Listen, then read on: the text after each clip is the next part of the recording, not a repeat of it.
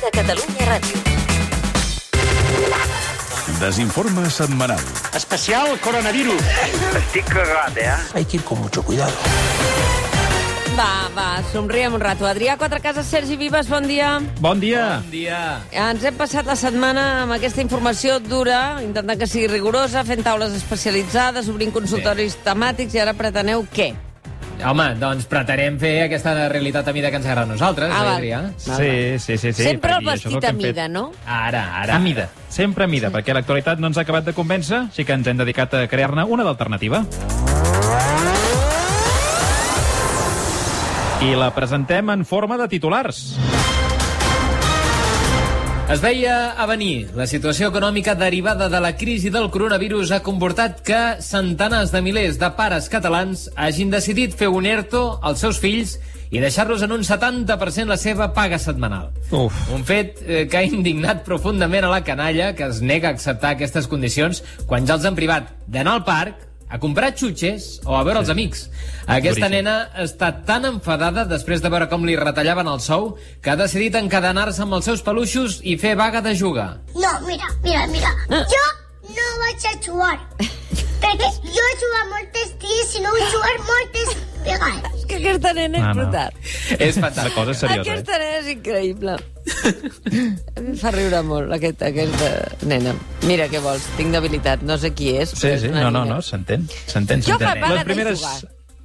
És vaga, és vaga, és una vaga i hi haurà piquets, això no ho sabem. Les primeres xifres d'atur derivades del coronavirus fan vertigen i molts adverteixen que són només la punta de l'iceberg i que molts més treballadors acabaran al carrer. Per sort, per sort, comptem amb altres veus que no veuen igual el panorama econòmic i laboral, com el doctor Trilla, que té claríssim que no hi ha cap possibilitat que ni tu ni ningú de la teva família sigui acomiadat. però no hi ha risc, és a dir, la situació és, en aquests moments, el risc aquí a Catalunya és zero, no en tenim cap. Perfecte. Mica gosarada, aquesta... No, sempre hi ha, ha, veus, ha veus per tots els gustos. Exacte, això sí, això sí. El rei Felip VI, contra el que molts pensaven, ha seguit treballant aquesta setmana, tot i que alguns especulaven que la seva feina no figurava entre les essencials. Un fet que no ha acabat d'agradar al monarca, que es troba amb una pila d'incomoditats ara que ha de fer la feina teletreballant i sense comptar amb cap servei habitual i bàsic, com el d'un xofer que el dugui d'un palau cap a l'altre, o servents que li duguin cafè i pastes cada vegada que pica de mans, ni cap testaferro que li gestioni els comptes ocults de la família. Felip, Felip de Borbó es mostrava així d'indignat quan li preguntaven com duia això d'haver de conduir, posar cafeteres i trucar ell personalment als bancs suïssos perquè li treguin les comissions. Jo no, és que no ho entenc. Mos envien a treballar que no mos queda més remei perquè no hem de parar. Però, collons, que, que, que són persones, que, que no pots tancar tot de cop i, i, i ja t'apanyaràs. Quin Ah, català que que li sí. està sortint a Felip VI. Sí, ha home, millorat sempre l'ha molt, tingut va agafant afinat. accents en funció de per on parla, ens està bé. Ah, sí, bé. clar. això sí, això sí, és veritat. Parlem d'esports. Parlem d'esports perquè aquests dies hem tingut un altre sidral al Futbol Club Barcelona entre jugadors i directiva, però ja està, ja Ah. està. El conflicte entre directiva i jugadors del Barça està resolt. Tal i com hem contrastat el programa amb Josep Maria Bartomeu, les diferències s'han dilucidat aquesta matinada en una trobada entre uns i altres. A tiros y a machetazos se han peleado esta noche. La primera plantilla del Barça Futbol i la directiva La reyerta ha comenzado cuando una de las bandas, armada con comunicat de Leo Messi. se encontraba con la otra en una plaza. President, um, Sí, Os vamos a matar, gritaban durante la persecución. quasi a diari. El informe médico de los siete heridos No dic cinc, eh? No sé quants jugadors són. parece un parte de guerra. Això sí, els capitans, Uno de ellos tenía un machetazo en la cara de cop. que afectaba glóbulo ocular. Sí, no només amb ells, també pel Quique Setién. Había un tercero que eh, presentaba eh, cuatro tiros eh, por la espalda Aquesta mecànica ha funcionat molt bé amb els capitans. y aparte de eso otro machetazo en el brazo izquierdo. Doncs està a Sant Pau, per exemple, el Leo Messi, a l'hospital de Sant Pau. Havia d'acabar així. Ja es veia venir, es veia venir, eh? Un Josep Maria Bartomeu que també avançava l'única notícia que ens podia fer oblidar a tots que hi ha una pandèmia que acabarà amb la raça humana. La notícia de que el Barça ha acomiadat Leo Messi, eh? Al carrer, per dolent, tu. president, um, Leo Messi, No és bo, Leo Messi, no és bo. el faran fora? Sí, Hòstia.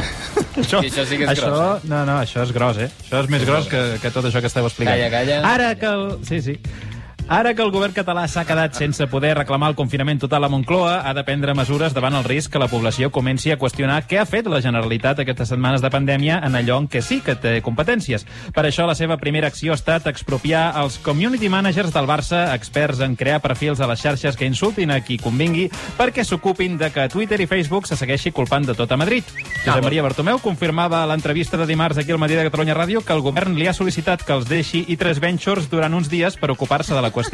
Uh, president, el Barça ha posat les xarxes socials eh, i tres ventures, etc a disposició de la Generalitat per aquesta crisi. De moment ja alguns estan utilitzant, la Generalitat i, i la Departament de Sanitat saben que tenen a la, a la seva abast. Doncs molt bé. Això està molt no, bé. un detall, un detall. Desinforme setmanal. Bueno, Això què sí, feu? Això sí que se'n diu solidaritat. Tots a casa criant panxa, eh, malparits? A mi no surt ningú a aplaudir-me, no. Bé, ben bé que us foteu els bistecs després encabat allà a casa ben escarxofats. La mare que em va parir, que ben muntada que la teniu.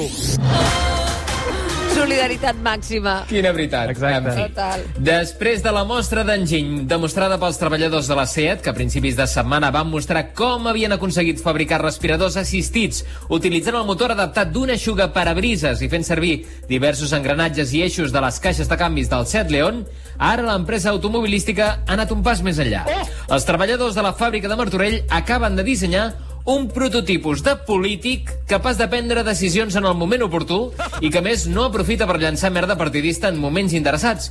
Un robot perfecte que han fet a partir del sistema hidràulic del Seat Ibiza. Sentim un dels enginyers de la Seat explicant-nos com ha anat la creació del polític perfecte. Ha sido un trabajo largo y arduo en el que han estado implicadas muchas áreas de la empresa y hemos conseguido hacerlo en un tiempo récord de una semana. Mira, mira, mira Ah, la mira, Seat haurà com valgut va. la pena al final. Bravo, bravo Seat. La DGT ja prepara el dispositiu de trànsit per l'operació sortida de Setmana Santa. Una operació sortida que enguany no se centrarà en controlar la fugida dels cotxes de les ciutats, sinó que, degut al confinament, vigilarà el rebedor dels pisos dels ciutadans. Clar, clar, Milers clar. de policies controlaran que el passadís que connecta el menjador amb la cuina tingui un trànsit fluid de cara a que el confinament familiar i els dies festius tancats no produeixin cap alteració a la parella i, per tant, cap col·lisió conjugal. Sí, és el conseller d'Interior, Fernando Grande Marlasca, justificava aquest dispositiu de trànsit a les llars espanyoles. con el objetivo de que exista una circulación más segura y más fluida. Al final son los ciudadanos los que eligen cómo moverse y cuándo hacerlo. Sort en tenim, sort en tenim que pensen en tota aquesta gent. I ara eh, hem posat aquesta música perquè hi ha pànic, eh? Pànic entre els catòlics davant la possibilitat que aquesta Setmana Santa Jesucrist no ressusciti. Segons publica el best-seller El Nou Testament, Jesús de Nazaret va ressuscitar el tercer dia després de ser enterrat al Sant Sepulcre, quan unes dones van trobar la tomba buida i la pedra que la tapava remoguda. Hòstia. Doncs bé, la història, que rememora cada any, aquest any no podrà ser, perquè amb el confinament les despulles de Jesús no podran sortir de la tomba perquè el treball de predicador no és essencial i, per tant, Cris no ressuscitarà. Magda Campins, cap d'epidemiologia de l'Hospital de la Vall d'Hebron, alertava que els difunts nascuts fa 2.000 anys per molt messies i fills de Déu que siguin, també poden encomanar el virus i per això no troba convenient que la gent ressusciti. Uh, en aquests moments jo no ho aconsellaria perquè tenen formes moltes vegades asimptomàtiques, és a dir, Clar, tenen una, clar. una clínica, o no tenen clínica o tenen una clínica molt lleu, però són transmissors de la malaltia, no? I això passa igual amb la grip, per exemple. Sí, sí. Precaució, precaució. Família, us he d'interrompre. Una abraçada gran. Justament